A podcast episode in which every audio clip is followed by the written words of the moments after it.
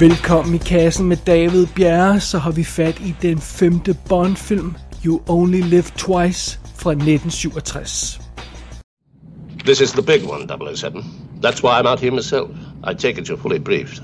Oh, yes, sir. But uh, there's one thing I don't understand. If our Singapore tracking station is correct about the rocket not landing in Russia, then where did it land? We assume it's Japan. Mind you, all this is pure guesswork. But the PM wants us to play it with everything we've got. And aerial reconnaissance? Every inch photographed, nothing. Are the Japanese equipped to launch such a rocket? We don't think so. Then who else is? That's what you've got to find out, and fast. Before the real shooting starts. This damn thing could blow up into a full-scale war. When you get to Tokyo, go to that name and address. Our man Henderson will contact you there. Henderson. Captain here, sir. We're underway. Full ahead. Right. Well, that's all. Thank you, sir. 007. Sir? We've only three weeks before the Americans launch the next one. You know that, don't you? Oh, yes, sir. And my sources tell me the Russians are planning one even earlier than that. So move fast, 007. Yes, sir. Denne femte Bond-film starter med et brag i outer space. Og det er jo lige noget for mig. Vi øh, følger en amerikansk rumkapsel, der er i kredsløb omkring jorden, og pludselig dukker der et mystisk rumskib op, uden nogen landemærker på, og snupper det her amerikanske rumskib sådan lige ud af sådan nærmest som, sådan med sådan en åben gab, som om det var sådan et monster, der sådan sluger det. Så det er det. Det er jo ikke så godt. Amerikanerne tror naturligvis, at det er russerne, der er på spil, men russerne tror, det er amerikanerne, der er ude på noget. Det er kun de geniale britter, der holder hovedet koldt og foreslår, at måske er der noget andet på spil. Hmm, hvad kunne det være? MI6 mener, at raketten kom fra Japan, og agent 007 bliver derfor sendt afsted for at undersøge sagen. Han bliver simpelthen sendt til Japan. Men spørgsmålet er naturligvis, hvem er magtfuld nok til at sende sådan en raket op i smug? Øh, fordi det andet rumskib der, det var, det var jo en kæmpe raket, der, der, der slugte det amerikanske rumskib, rumskib. Hvem kan sende sådan noget op i smug? Og øh, ku, kunne det være, at der stod en, en, en gammel, velkendt fjende bag øh, det stunt der? Øh, det er jo spørgsmålet. Øh, James Bond han har få uger til at opklare sagen, fordi hvis ikke han gør det, så vil krisen eskalere, eskalere og så vil man kunne ende i en dødbringende krig mellem USA og Rusland, og det er jo ikke godt for nogen. Så sådan er det. Det er simpelthen plottet i den her femte Bond-film. Og hvis, hvis man lige har lidt mere info på den, hvis man skal huske, hvad det er for en, så er det her filmen, hvor manden med katten endelig dukker op for real. Ernst Stavro Blofeld, a.k.a. Number One, den geniale leder eller bagmand på Spectre, viser endelig sit ansigt i den her film. Og det har vi jo ventet længe på.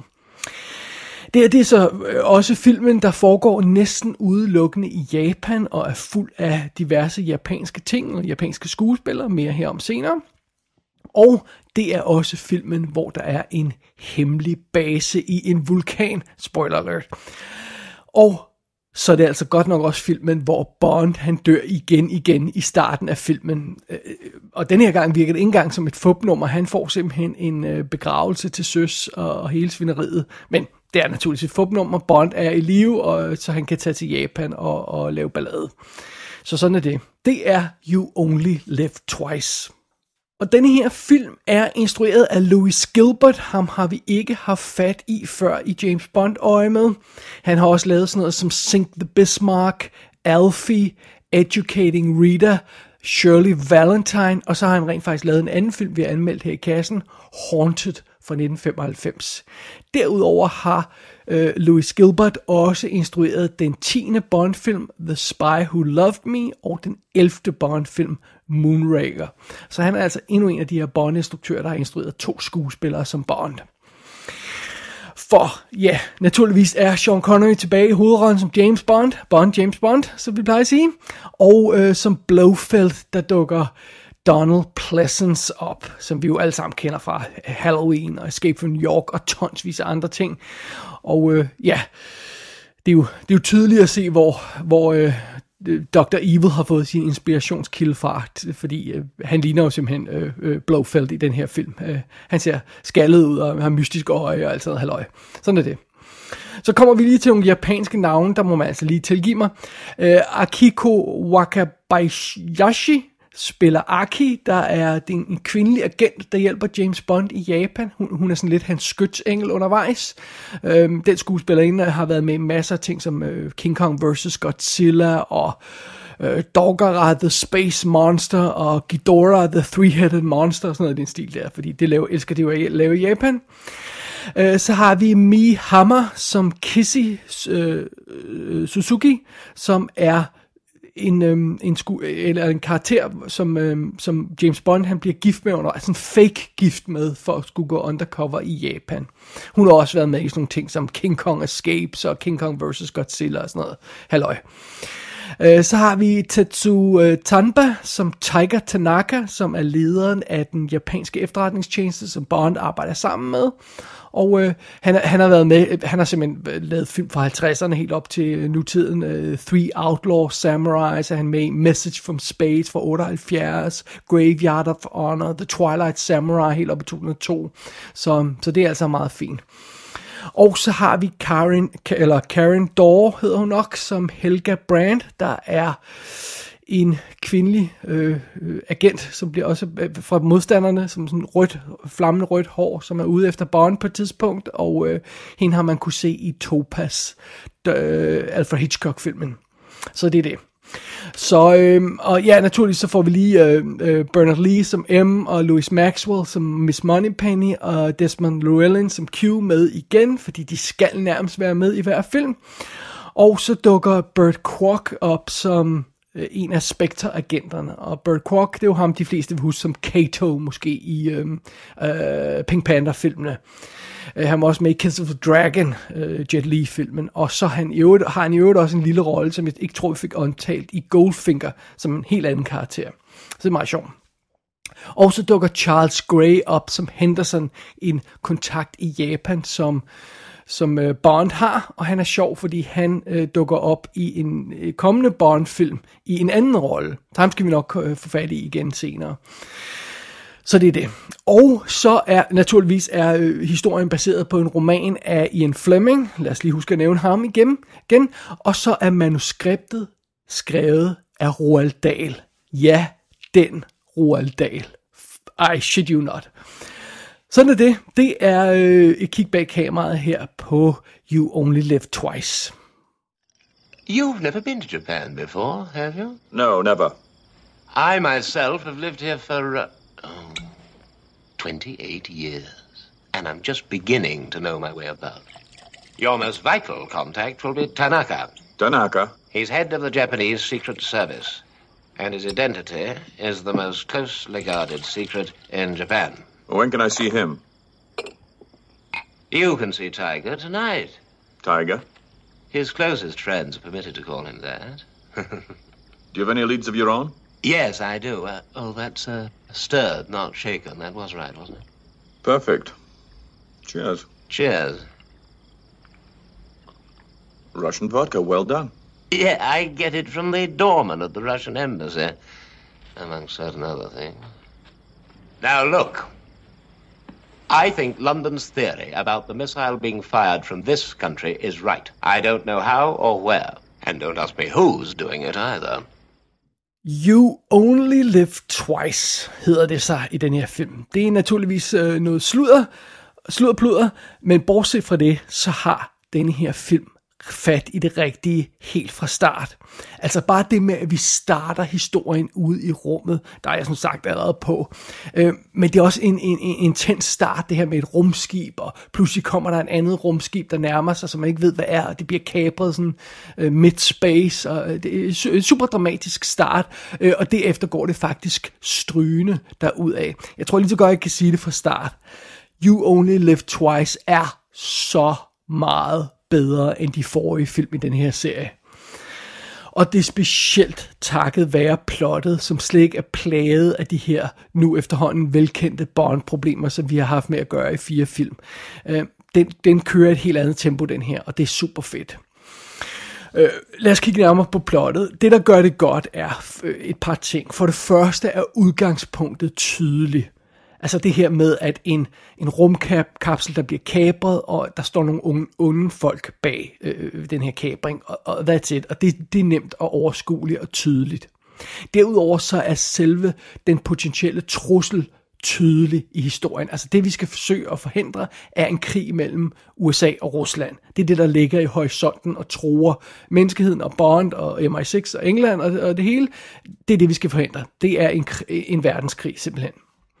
Og vi har også en tydelig deadline.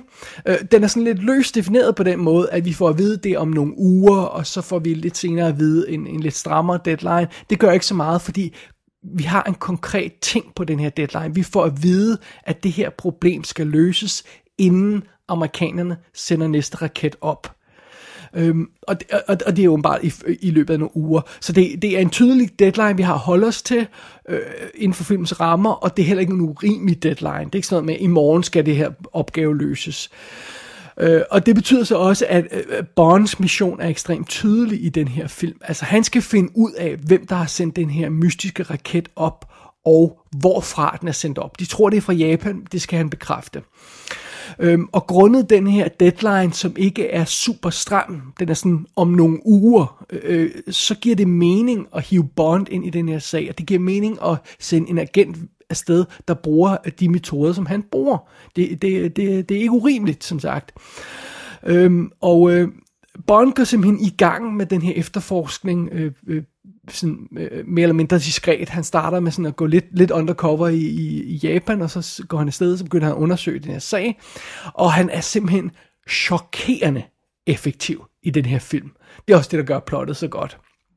Øhm, Bond tænker hurtigt på en måde, vi slet ikke har været vant til tidligere. Øh, for at give et eksempel. Øh, på et tidspunkt så snakker han med en kontakt, og den her kontakt bliver så dræbt lige pludselig med det hele. Og Bond ræser afsted for at finde morderen, og han får fat i, i fyren og får ham slået ned.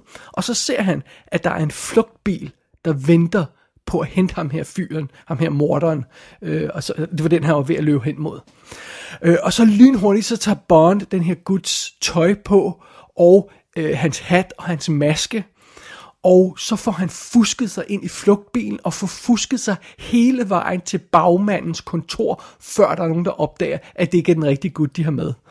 Øh, han lader simpelthen som om, han er den her snimorder, der er blevet såret på jobbet, så sådan, han er foldet sammen og, og, og, og, og kan ikke rigtig sige noget. Og, sådan noget. og det er super fedt, det er lynhurtigt tænkt, og det er lynhurtigt effektivt. Det er rent faktisk lige ved at være troværdigt, øh, inden for visse rammer naturligvis, at han kan komme afsted med det. Og han får øjeblikkeligt resultat, fordi han ved nu ved, hvor bagmand har sit kontor. Det er skide godt. Jeg har simpelthen ikke set Bond arbejde så effektivt før, som han gør i den her film. Han udviser ovenkøbet analytiske evner undervejs i den her efterforskning. Han kan se på et billede, han kan regne nogle detaljer ud, han kan lægge nogle ting sammen. Det har vi heller ikke set før.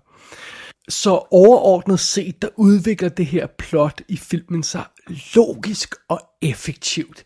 Et spor leder til det næste, og Bonds metoder, den måde han kan lide at arbejde på, virker ideelt til den her sag. Og en anden god ting, Bond han virker ikke unødvendigt distraheret af babes undervejs. Han er naturligvis en lille smule distraheret, han er stadigvæk Bond, men ikke unødvendigt distraheret. Øh, og der, øh, øh bedst af alt, så er der ingen i den her film, der behøver at stille sig op og forklare øh, Bond plottet i hans egen film. det, det er altså også befriende. Øh, det eneste, han skal have forklaret undervejs, det er, at han skal forklare en masse japanske skikke, fordi vi altså befinder os i Japan, og så skal han lige have forklaret, hvordan tingene hænger sammen her. Men det er jo nemt at tilgive, fordi han er et fremmed land, han ikke kender så godt, så det, det giver god mening. Plus de forklaringer, han får, gælder naturligvis også publikum, sådan så at, øhm, at, at vi kan følge med i, hvad der sker i Japan. Ikke som tidligere, hvor Bond skal, skal have forklaret de ting, vi allerede ved. Så det er en god ting. Øh, Naturligvis, så er der en lille smule slinger her der i filmen. Øh, det, er, det er næsten uundgåeligt. Øhm, for eksempel det her med, at Bond han rent faktisk bliver dræbt i starten af historien, og så bliver han, ja, han bliver fake slået ihjel, og så, så, så bliver han alligevel, øh, øh så får vi at vide, at han overlevede, og han, eller han er alligevel live. Det var bare for, at hans fjender ikke skulle vide, hvor han var, og, øh, og, og, så, og så, så, så, så, så ideen er, så skal han tage på sin mission til Japan, og så tager han afsted til Japan, og så render han rundt i fuld offentlighed, uden nogen forklædning. Så hvad var pointen med at lade som om, han blev slået ihjel tidligere, fordi han øjeblikkeligt, hvis der var nogen, der holdt øje med Japan, eller holdt øje med noget som helst, så ville de spotte Bond igen. Så det giver, det giver rigtig mening, det der med at slå ham sådan fake ihjel igen i starten. Det virker ikke rigtigt. Øh, og så skal vi heller ikke glemme, altså øh, Japan er jo ikke just et sted, hvor den 1,88 høje øh, Sean Connery som Bond, han sådan kan forsvinde i mængden. Så det her med at lade som om han er død, og så sende ham afsted uden nogen forklædning på, det, det, det, det holder altså ikke. Det, det, det, vi havde ikke brug for den der fake start for sit liv, det, så det, det er lidt slinger i valsen. Der er også lidt andre små tåbeligheder undervejs i plottet her og der, men ærligt talt, det er ikke noget, jeg sådan synes er mega alvorligt. Og faktisk synes jeg også, det er okay, at filmen giver sig en lille smule tid til at udforske den japanske kultur undervejs. Øhm, vi havde ikke behøvet at se Bond tage til et møde med en hemmelig kontakt øh, til en sumo-kamp, for eksempel.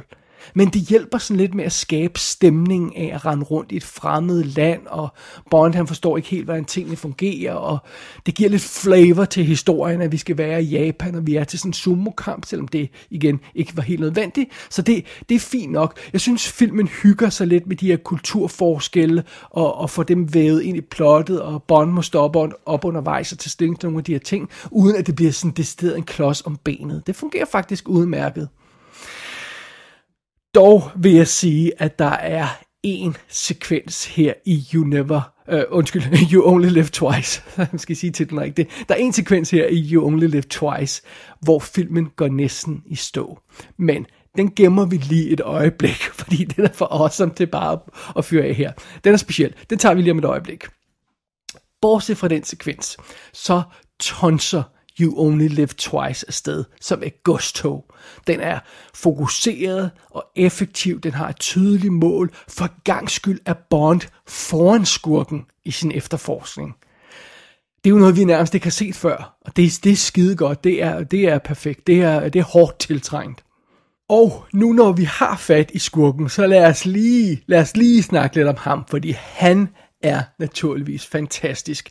Hele optakten til mødet med Blofeld er cool. Og øh, igen, vi ser, vi ser det her med, med, med, med katten, han, som han sidder og ærer hele tiden, og vi ser hans fine kontor, hvor vi ser hans, hans store stol, så vi kun kan se lige hans arm stikke ud, så vi ikke kan se ham, og så først til sidst får vi lov til at få et rigtigt view af ham, når han sådan kigger frem og, og, og ser på bånden første gang. Det er super fedt. Det er godt lavet. Og øh, jeg vil også sige, det, det, det jeg godt kan lide ved, ved, ved Blofeld i den her historie, øh, skurken i filmen, det er, at hans plan rent faktisk giver mening. Øhm, det her med at forsøge at få de her to øh, øh, øh, øh, store magter til at gå ud mod hinanden på denne her måde, som han gør det i den her film, giver meget mere mening, end det har gjort tidligere med, med, nogle, med nogle af de her skummelplaner, som, som Spectre har haft. Øh, så det er også cool. Og, og finalen, hvor som starter med, at Bond og, og uh, Blofeld står ansigt til ansigt for første gang, og øh, er super fed, og, og, og så får vi altså den her efterfølgende action-sekvens, hvor øh, Bond, øh, Bonds buddies kommer ind for at prøve at redde ham i den her hemmelige base, som Blofeld har, som, som i øvrigt er insane production design, og der kommer den her overvældende action-sekvens med ninjaer mod soldater, og eksplosioner, og kuglerne flyver og sådan noget, og det ser super lækkert ud, og det er awesome lavet, og det, det er øh, det, det er flot, det er tilfredsstillende at se på, og det giver mening at vi roder os ud i den her finale, som vi gør. Det er næsten det vigtigste af hele. Det der med, at det giver mening. Det er simpelthen mere, end man har kunne sige om mange af de tidligere film her i Bond-franchisen. det må vi nok indrømme. Så jeg ser, altså, You Only Live Twice er, er fabelagtig. Men naturligvis, som vi plejer at sige, øh, træerne gror ikke ind i himlen. Hermed ikke sagt, at Bond ikke stadig løber ind i nogle af sine sædvanlige problemer, for det gør han naturligvis. Han er igen igen tæt på at blive dræbt. Og jeg vil lige indskyde en bemærkning her, eller en lille sidebar her. For jeg har sagt det et par gange undervejs i de her anmeldelser, at quote unquote Bond er ved at blive dræbt. Og jeg vil lige understrege, det skal ikke forstås sådan, at der kommer nogle folk og prøver at skyde ham. Fordi det er, altså han er hemmelig agent, det hører med til jobbet, så det tæller ikke. Nej, nej, det er ikke det, jeg mener. Det, jeg brokker mig over, når jeg siger, at Bond er tæt på at blive dræbt hele tiden, det er scener som for eksempel følgende. Bond han er ved at lave et eller andet, og pludselig bag ved ham dukker der en morder op, og Bond bemærker intet. Og den her morder tager sit våben frem og lægger an til at dræbe vores hemmelige agent, og Bond bemærker stadig intet. Og få millisekunder før det dræbende skud kommer til at ringe ud, så har Bond stadig ikke nogen idé om, at der er nogen som helst fare på spil. Og lige da det skal til at ske, det her skuddet skal til at falde, så der er en anden person, eller en tredje person må det så være, i hele den her øh, scene, der, der råber en advarsel til Bond. Doktor! Eller sådan noget i den stil. Eller, der er en behind you! Eller sådan noget. Og først der, så øh, dukker Bond sig, eller vender sig om, og han skuddet misser, og han får fat i morderen, og det er den måde, at Bond han overlever den scene på.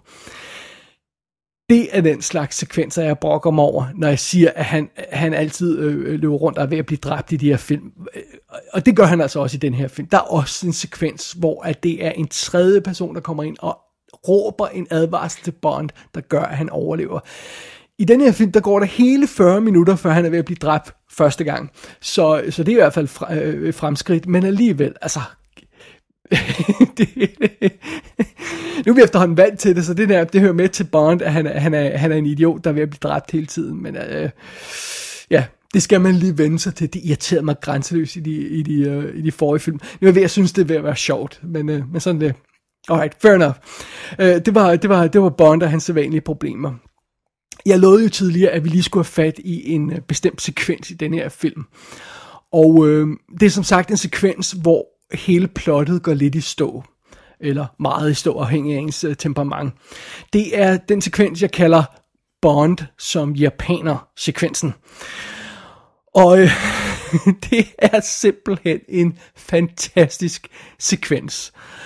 Øh, det starter, da Bond sådan henkastet beder den lokale efterretningsmand der, om, øh, om, øh, om han kan arrangere noget hjælp for nogle soldater eller noget i den stil. We'll also need a company of first-rate men. Do you have any commandos here? I have much, much better. Ninjas. Top secret, Bolsan.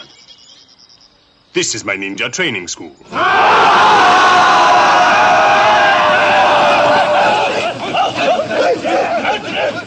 Ja, man hørte rigtigt. Bond skal simpelthen på en ninja training school nu. Og den her præsentation af den her ninja-skole, det, det er næsten en joke. Jeg føler, det var virkelig sådan noget, som Austin Powers ville have lavet. Det er tæt på i hvert fald. Det er hilarious. Øh, men det er faktisk ikke det, der er det bedste i den her uh, Bond uh, lege japaner sekvens, eller hvad fanden vi skal kalde den, Bond som japaner sekvens. Uh, fordi fidusen er jo, at han skal gå undercover, og han skal prøve uh, i Japan, fordi han, man, man tror, at man har fundet ud af, hvor den her hemmelige base er. Så Bond skal have snedet sig ind i det her område og, og finde ud af og gennemskue, hvor, hvor den her base er. Og så skal han gå undercover, og det skal han gøre som japansk fisker. Og for at han skal kunne snige sig ind som japansk fisker, så skal han først giftes med en japansk kvinde. Så det, de skal have det her fake bryllup, hvor han bliver gift med den her japanske kvinde. Men naturligvis så går det ikke, at der er sådan en vesterlandsk gut, der bliver gift med en japansk kvinde. Så først skal Bond have make op på, så han ligner en japaner. Vi får simpelthen den asiatiske udgave af blackface her, hvor Bond han får make-up og paryk på, så han ligner en japaner. Og det er simpelthen så offensive med moderne øjne, så det halve kan være nok. Jeg ved godt, det man måske vil se på en, lille, øh, på en anden øh, måde dengang, at, at det havde føles lige så slemt, og, og man havde ikke tænkt over det på samme måde. Men vi, vi er ikke dengang nu. Vi er ikke i 67 mere. Vi er i, i år, år nu, øh, lige nu, 2020. Og, og, og, og der ser det altså forfærdeligt ud. Og det bliver heller ikke bedre af, at den igen 1,88 høje Bond, han skal prøve at ligne en lille fisker. Så hele sekvensen, hvor han går undercover, der, der, der, der tilbringer han tiden med at, med at være sådan foroverbøjet for at se lille ud.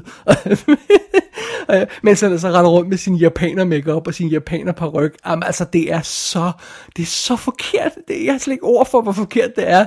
Der er så, og der er så meget andet i den sekvens, øh, der, øh, øh der, der, der, er, der er forkert. Øh, Øh, der er et øh, øh, fantastisk moment, for eksempel, hvor Bond har den der fake kone, som jo altså ikke er hans rigtige kone. Det er bare en agent eller en, en kvinde, man har hyret til at spille ko, øh, hans kone. Og hun, øh, han kommer hjem første gang der og skal lade som om han er fisker, og så serverer hun østers for ham, som jo er sådan øh, aphrodisiac-agtig ting. Øh, og så sidder han og kigger på de her østers, og så får han at vide, at han ikke får lov til at sove i sengen sammen med hende. Og så siger han, ej, så gider jeg sgu da ikke have østers, hvad fanden altså. det er så forkert det hele.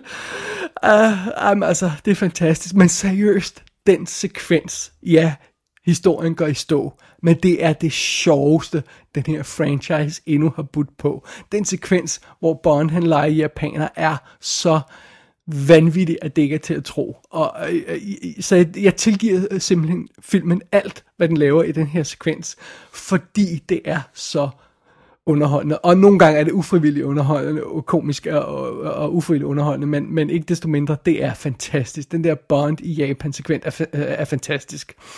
Så, så det er det. Og, og, og det får et stort smil på ansigtet, når jeg ser den sekvens, og når den er overstået, så er at vi kommer ud i finalen med det store action og, sådan, og så fungerer filmen perfekt, som den skal. Så det, jamen altså jeg må indrømme, det var befriende at se You Only Live Twice. Den er så meget bedre end de forrige film. Som sagt, den har sine små problemer undervejs, den har nogle besynderligheder, men jeg synes, de er nemme at tilgive, fordi der er så meget godt i filmen, og fordi den er så fokuseret. Det er det, jeg er specielt glad for i den her øh, sammenhæng, det er, at Bonds mission er fokuseret og streamlined. Fordi jeg var altid, jeg var begyndt at overveje, om det var mig, der var noget galt med. Det er det selvfølgelig ikke, altså hvem kunne tro det?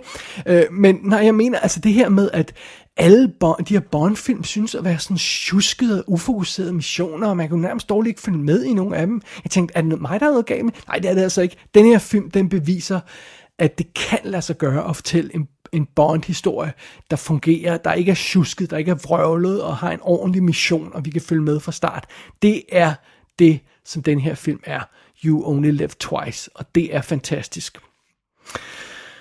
Så nu kører Bond på skinner. Nu kan det ikke gå galt. Altså, den næste film bliver endnu bedre. Jeg kan bare mærke det på forhånd. Den er, det er en vinder. Jeg ved det. Jeg ved, det er en vinder. Jeg, jeg glæder mig allerede nu til at nyde, hvad der uden tvivl bliver Sean Connerys bedste præstation i den næste film, On Her Majesty's Secret Service.